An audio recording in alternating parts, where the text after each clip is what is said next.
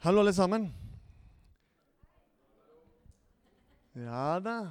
Må ha litt respons. Hallo, alle sammen. Veldig bra. Går det bra med dere? Og med meg òg. Halleluja. Det er bra. Det er bra. Det er godt å høre. Som uh, Kisten sa, også Menighetsviken sammen. Og nå i, igjen her sammen. Og ikke så lenge. Jeg tror det er uh, ikke neste søndag, men om to uker er vi sammen igjen.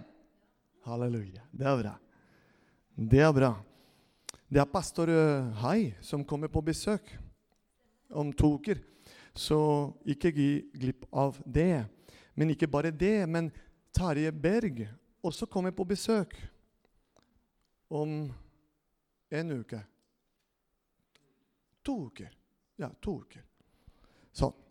Men som til innledning ble sagt at uh, her i menigheten har vi begynt å lese Romerbrevet.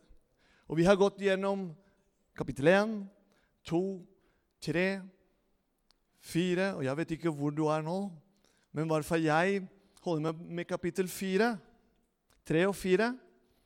Og håper at alle dere på en måte er i det, og så leser det ikke som, som en tvang, men at det er en glede å lese romerbrevet.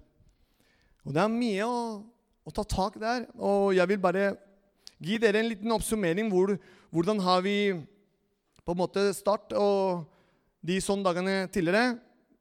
Kapittel 1. Og så jeg delte i forhold til hvordan Paulus var såpass tydelig i forhold til det å ikke skamme seg over evangeliet. Det er Guds kraft til frelse for hver den som tror, jøde først, også greker.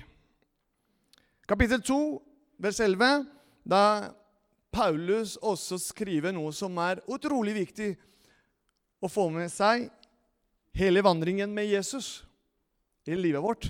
Og det er for Gud gjør ikke forskjell på folk. Hva betyr dette? At Gud vil ikke gjøre noe forskjell på folk. Er det hver person som kommer til han med samme intensitet og i samme grad som han vil jobbe med alle andre. Med andre ord vil det være lik behandling for alle. Det er opp til deg og til meg. Han er til stede, og han er tilgjengelig 24-7.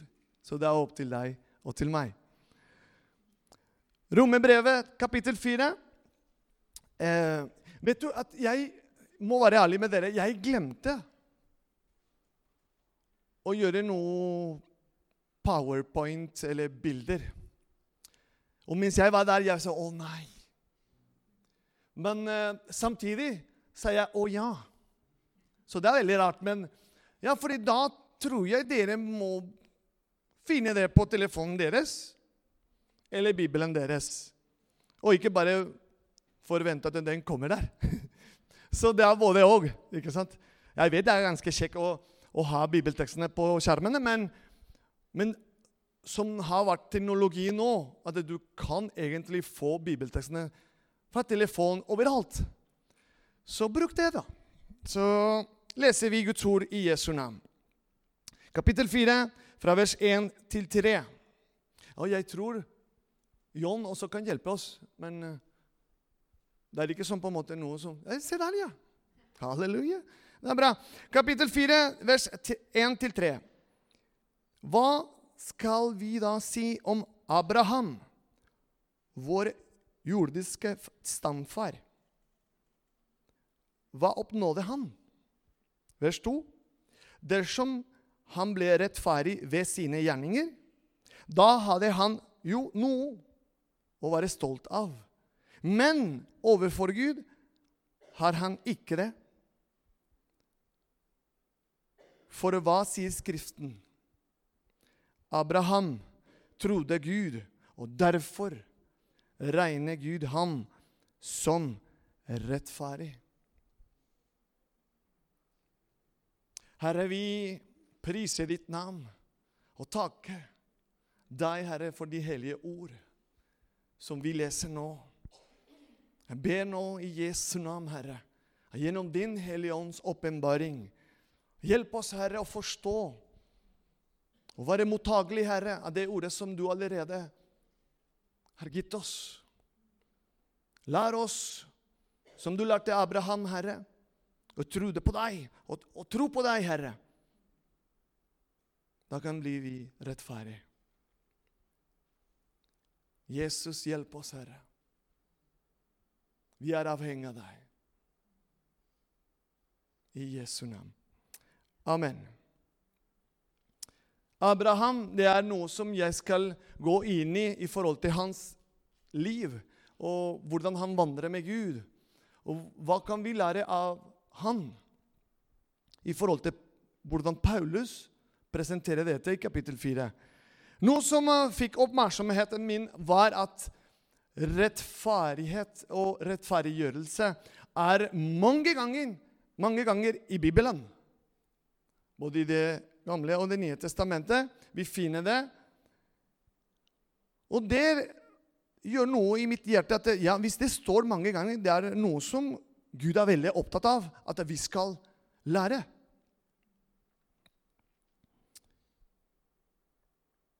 Dette er sagt om Abraham da Gud lovte ham at hans ætt skulle bli som stjernene i mangfoldighet. Var det Abraham som trodde på den til rene rettferdighet? Nei. Han trodde på Guds løfter, først og fremst. Og det ble regnet han til rettferdighet. Da var Gud som regnet slikt, ikke mennesker. Løftet til Abraham var at han skulle få en sønn. Det står i Gamle testamentet, i 1. Mosebok 15. Han trodde på Gud, ikke på sin egen kraft. Han trodde Gud skulle gi ham en virkelig sønn, ikke en tilregnet.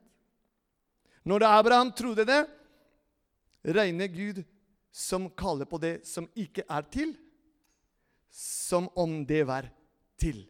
Allerede med at han hadde sønnen. Rommene kapittel 4, vers 17. Alt dette som jeg skal gå igjennom, det står i den kapittel og andre kapittel som kommer etter. Abraham eksempel når sitt klimaks i dette. Han trodde på Guds kraft, selv om alle omstendigheter sa at det var umulig. Hvor mange ganger, folkens, vi er i den situasjonen, eller akkurat i dag Vi opplever av og til dette her. At omstendigheter sier 'det der er umulig'.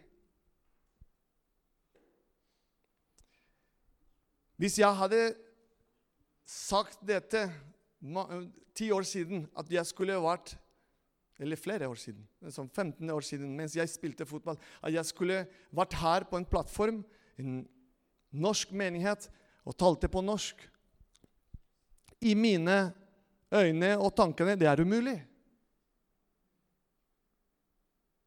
Og når jeg delte dette med mine kamerater i Venezuela Det er umulig for ham. Når jeg til og med delte dette med kona mi, med Andreina, som sitter her, sånn hun kan vitne Når jeg tenkte og hørte det er en pastorstilling klar Kan du ikke søke, Fernando? Og jeg, Nei. Og så Det går ikke i hodet mitt. Men da sier jeg til de andre ja, men kan jeg ikke be over det, da? og få litt sanksjonering i hjertet vårt i forhold til hva Gud egentlig vil med dette. Og da begynte Gud å forme hele veien. Og det er det på en måte jeg ser med Abraham her. Han trodde på Guds kraft, selv om alle omstendigheter sa at det var umulig. Han var 99 år, og hans kone Sara var 90 år da Guds løfte endelig ble et faktum. Hallo, folkens. 99 og 90. Guds ord sier noe veldig fint om tro og tålmodighet. Hebreerne 6,12. Så dere ikke blir sløve, men følger etter dem som ved tro og tålmodighet arver løftene. Det er mange løftene, tusenvis løftene i Bibelen, i Guds ord. Abraham viser oss troens utholdenhet. Mange gir opp når de ikke får et øyeblikkelig bønnesvar. De kaster hele trosforsynelsen over bord og sier 'Dette virker ikke for meg'. Har du sagt det før? Nå skal vi være ærlige. Jeg har sagt det før. Tre, fire, ja, fem ja, Nå begynner Ja. Det er ikke aleine. Og det er ikke noe galt med det. At man sier 'dette virker ikke for meg'. Jeg har bedt og bedt og bedt. Fortsett å be. Det er mitt råd. Men i, mens du ber, det er elementer som du må huske. Utholdenhet, tålmodighet. La Han forme mens tida går, hjertet ditt mens du venter.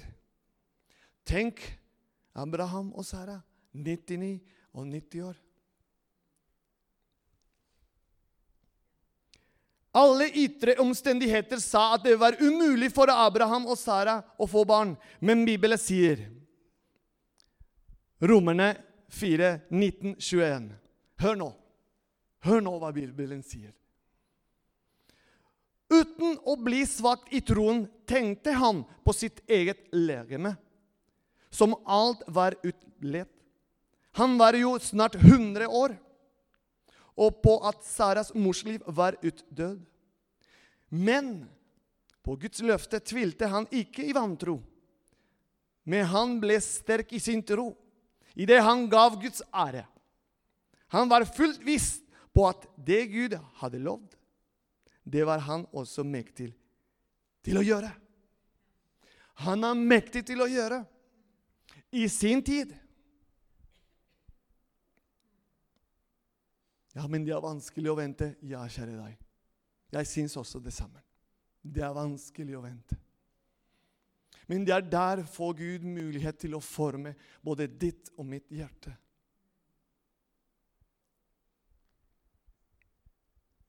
Dette er et ordentlig skoleeksempel som demonstrerer levende tro.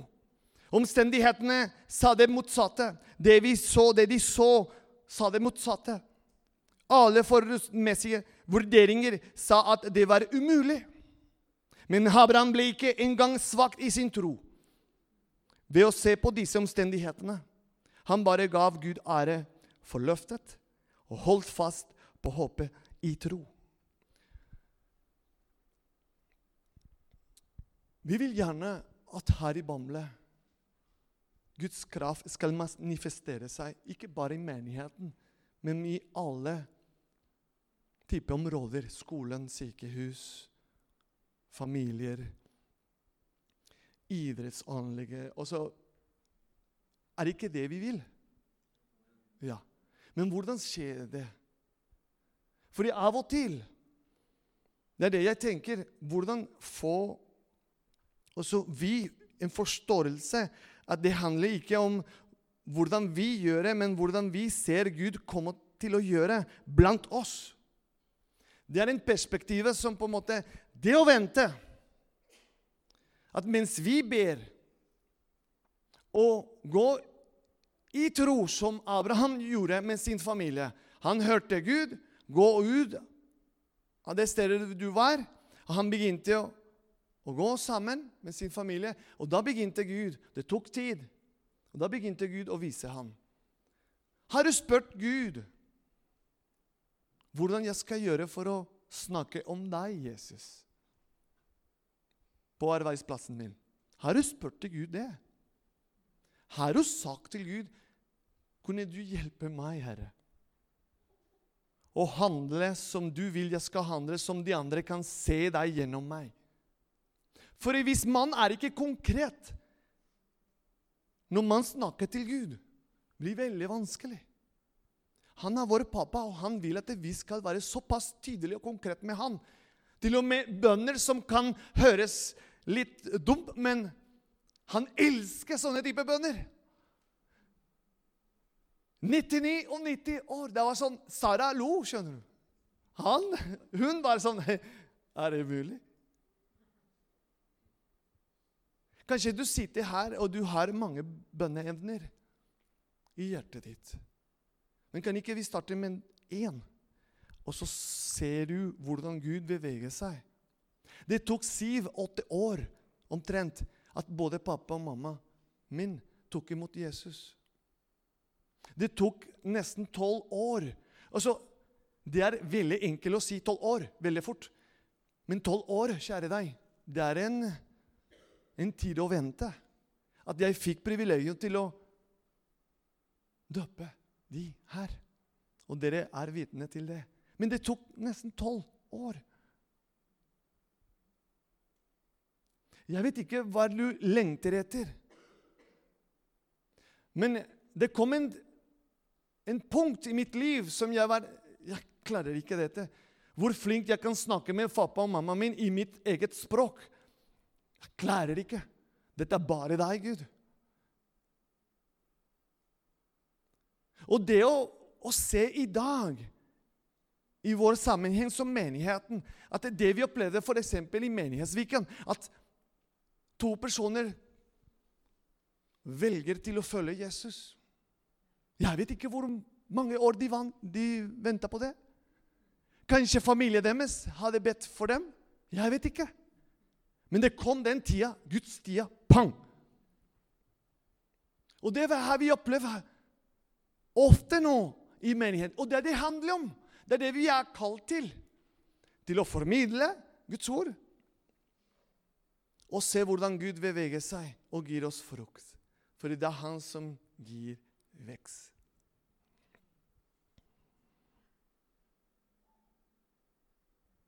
Kampene som mange av oss er i og har gått gjennom, vil du og jeg oppleve gjentatte ganger i vårt liv. Nemlig at løftene i Guds ord sier en ting, men våre erfaringer, omstendigheter og andre mennesker til og med sier noe helt annet. Det er da vi må velge hvor vil vi stå, og hva vil vi tro. Det er da vi må være villige til å kalle på det som ikke er til, som om det var til. Abraham kalte seg far til mange folk, mens han enda var barnløs. Han hadde jo fått et nytt navn av Gud selv. Før het han Abraham, som betyr 'min far er stor'. Nå hadde han derimot fått et nytt navn. Abraham. Det betyr far til mange folk. Så hver gang han nevnte sitt nye navn, bekjente han sin tro og kalte på det som ikke er til, som om det var til. Er ikke fantastisk, det? Det er samme far vi har. Du og jeg.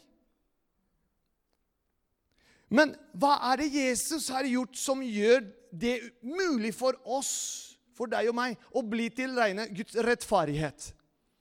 Det er knyttet til soningen og forsoningen i Jesus Kristus.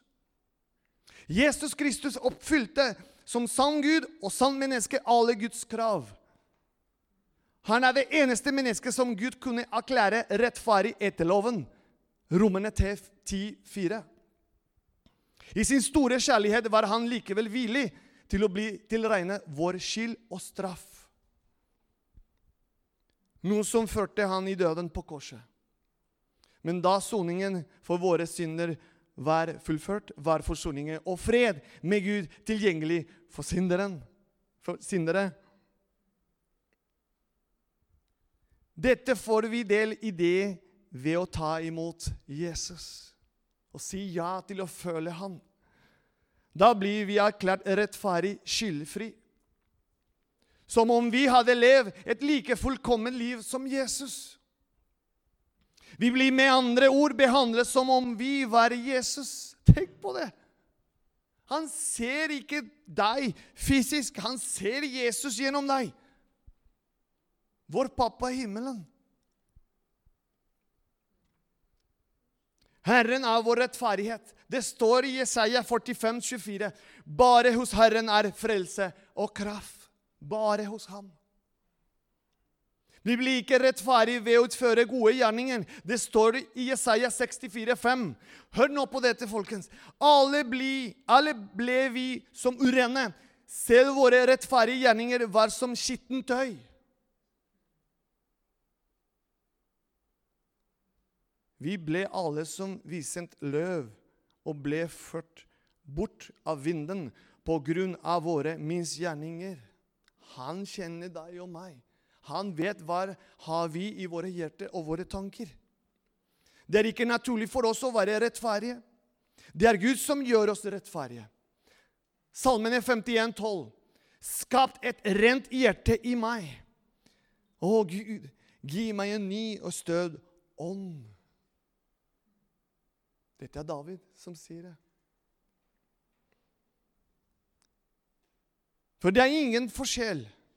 Alle har sinnet og står uten ære for Gud. Og de, og de blir rettferdiggjort uforskyldt av Hans nåde ved forløsningen i Kristus Jesus. Peker på Jesus hele veien, Paulus, i forhold til rettferdiggjørelse. Det er ikke å komme på møte på sånne.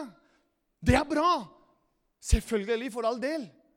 Men det er ikke det som gjør oss rettferdige foran Gud. Det er Jesus Kristus, folkens. Det er bare han. Og de andre kommer i tillegg. De gode gjerninger kommer i tillegg. Når vi vet at vi er rettferdige ved Jesus Kristus. Men vi ikke først vise at vi mener alvor ved å prøve å gjøre oss litt bedre, da. Nei. Gud erklærer den ugudelige rettferdig ved tro på Jesus Kristus. Som sagt, uten gjerninger. Vi blir til regne Jesu rettferdighet ved tro. Til regne betyr det samme som å sette noe på en annens retning. I kapittel 4, vers 5 i rommet, rommene. Den derimot som ikke har gjerninger, men tror på Han som rettferdiggjør den ugudelige, han får sin tro til regne som rettferdighet. Skal vi da ikke tenke på å gjøre noen gode gjerninger? Nå skal dere høre.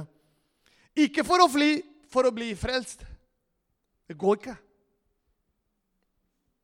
Men fordi vi ved troen på Jesus er frelst, da kaller Jesus oss, deg og meg, til gode gjerninger. Er det ikke fantastisk, det? Da blir det lettere. Er det ikke det? Tror vi på Jesus? Han, ved sin ånd, kaller oss å gjøre gode gjerninger. Og jeg ser det mange gjøre sånn. Det er bra, men hvor vanskelig er det? Kjære dere. Når jeg hører på nyhetene, krisenyhetene fordi det jeg må påpeke, at en menighet eller andre menighet krangler med hverandre. At 'Nei, du får ikke min. Jeg får ikke Det er ikke din eller min, det er hans menighet. Og det går sånn hele veien. Og det er så trist. Det gjør vondt. Fordi det er Jesus' kropp. Det er vanskelig. Men da er vi med Jesus. Da kaller Jesus oss til gode gjerninger. Og det er det vi må hjelpe hverandre til å gjøre. Samme som f.eks. i dag. Det er en god eksempel. To menigheter i samme takt, som Erik sier. Da er vi i handling i det på en måte jeg deler med dere. Rettferdiggjørelse og tro henger med andre ord nøye sammen. Som kristne tror vi at Jesus, Guds sønn, tok på seg hele ansvaret for menneskehetens synder.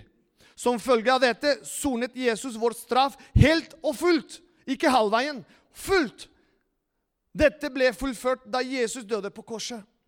Rettferdiggjørelsen har med andre ord sin pris, og den prisen du skal ikke betale, eller jeg har Gud allerede betalt ved å sone for våre synder. Jesus, han som har gjort opp for oss, er nemlig identisk med Gud.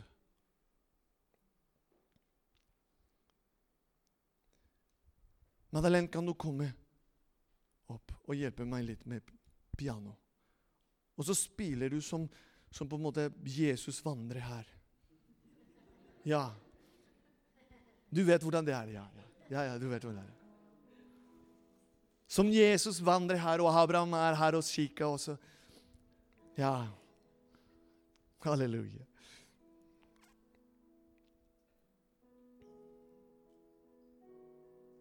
Abraham tro ga han en sann og synlig opplevelse. Slik og i dag for den som har Abrahams tro, du og jeg. Vi som tror på Han som reiste Jesus, vår Herre, opp fra de døde. Han som ble gitt for våre overtredelser og reist opp til vår rettferdiggjørelse. Vi opplever at Han rettferdiggjør oss. Så det blir sant og synlig for alle at det var fra vårt eget liv utgår Kristi dyder. Paulus sier noe om Abraham. At Abraham behaget nøyaktig på samme måte som vi gjør ved tro. Tenk på det! At når du tror på Gud, når du velger å følge Jesus og følge Hans ord og elsker Han med hele ditt hjerte med hele ditt forstand. Du er på samme linje som Abraham. Derfor er så relevant både Gamle og Nye testamentet. Jeg kan ikke skjønne av og til mange kristne sier at Det gamle testamentet er kjedelig, og Det nye testamentet er spennende. Eller motsatt. Jeg skjønner ikke den. Hele Guds ord er kraft. Er en forvandlende ord som gjør i oss en forvandling av hvordan vi skal leve. Den gamle testamentlige loven var aldri ment å skulle bygge bro over kloften mellom Gud og mennesker. Bare Jesus kunne gjøre det. Paulus understreker at loven ikke ble, ikke ble gitt for å bringe frelse, men for å fremheve menneskets behov for frelse. Det er Det gamle testamentet. Der ser vi viktigheten av begge testamentene. I går hadde vi bryllup her, og jeg fikk privilegium til å vie. Og det er mange ting som som gikk i mitt hjerte mens brudepar kom og gjestene. Og jeg tenker på menigheten og Jesus når han kommer og henter sitt menighet. Alt var vakker.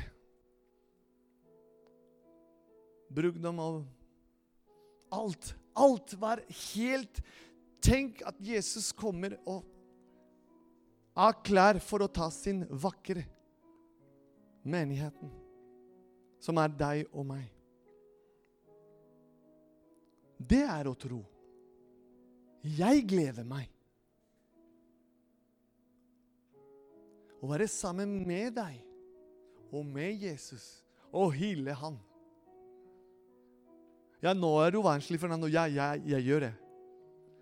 For jeg ser at Gud ser meg som en liten barn som vil forme, som vil hjelpe. Og det tror jeg virkelig at han ser også deg sånn. At du kan hvile i Han og vente i Han med tålmodighet, utholdenhet.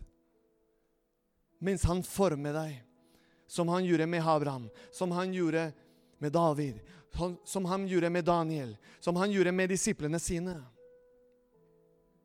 Han gjorde det hele veien. Men det tok tid.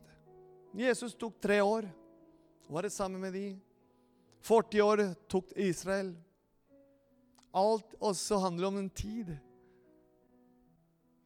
med Gud. Og tro formes gjennom tida. Det er opp til deg og til meg. Og den tro som Gud har gitt oss Altså at Hellig Ånd virker i oss og roper Jeg vil gjøre mer i deg. Det er det virkelig, tror jeg, Gud har lyst til å gjøre. Den hellige ånd vil påvirke på en måte at det, vi blir helt satt ut. At det som øynene våre sier, det er umulig. Kommer Den hellige ånd med overbevisning. Hallo, jeg er med deg. Jeg er i deg. kan vi alle sammen reise seg opp. Og mens resten av lovsangen kommer opp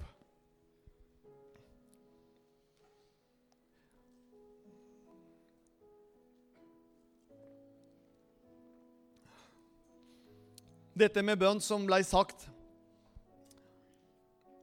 det er også individuelt. Også. Det, er, det er noe som på en måte Øystein kan være her og mase. Jeg kan være her og mase. Mange forskjellige kan stå her og mase. At ja, husk på bønnemøtet. Husk Men det er både, det er ikke han eller jeg eller Han sa det sjøl. Be, så skal dere få. Ja, men Fernando, jeg kan be hjemme. Ja, men du kan be også her sammen med oss. Ja, hyggelig, det. Er det ikke det? Men det er en stilling som alle sammen må ta tak i og be til Gud. For jeg streva på det området tidligere. Når jeg så alle som var veldig glad i bønn, og jeg var sånn Når jeg kom til bønnemøtet, det er nesten som Men da begynte jeg å rope, da begynte jeg å bestemme deg nå. Gikk inn i ordet og begynte Den hellige ånd å gjøre noe i mitt hjerte. At jeg blir enda mer hunger til å være i hans nærvær.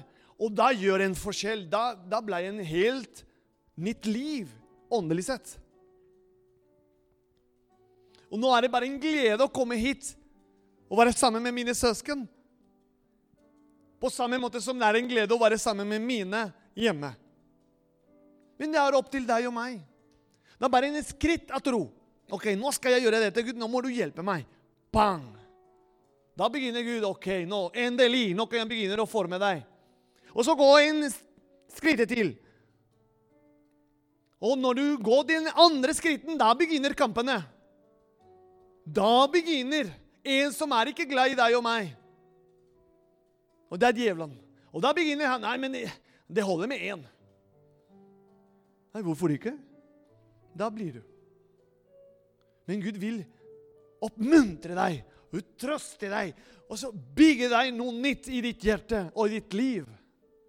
Det er opp til deg og meg. Det er en bestemmelse av alle sammen. Nå har jeg skjønt litt. Jeg sier litt fordi det er så mye at vi lærer, og vi er i en prosess. Men nå har jeg begynt å skjønne at ja, jeg kan være her og, og si vi, vi må be. Vi må faste. Ja, og slite meg helt ut. Og det skjer ingenting. Har du vært der? Ja. Men det er ved Hans ånd. Det er ved Hans ånd som du skal se det som er umulig, mulig. Som Abraham gjorde. Det er det eneste måte, folkens. Jeg kan ikke gi deg noen andre tips eller resept.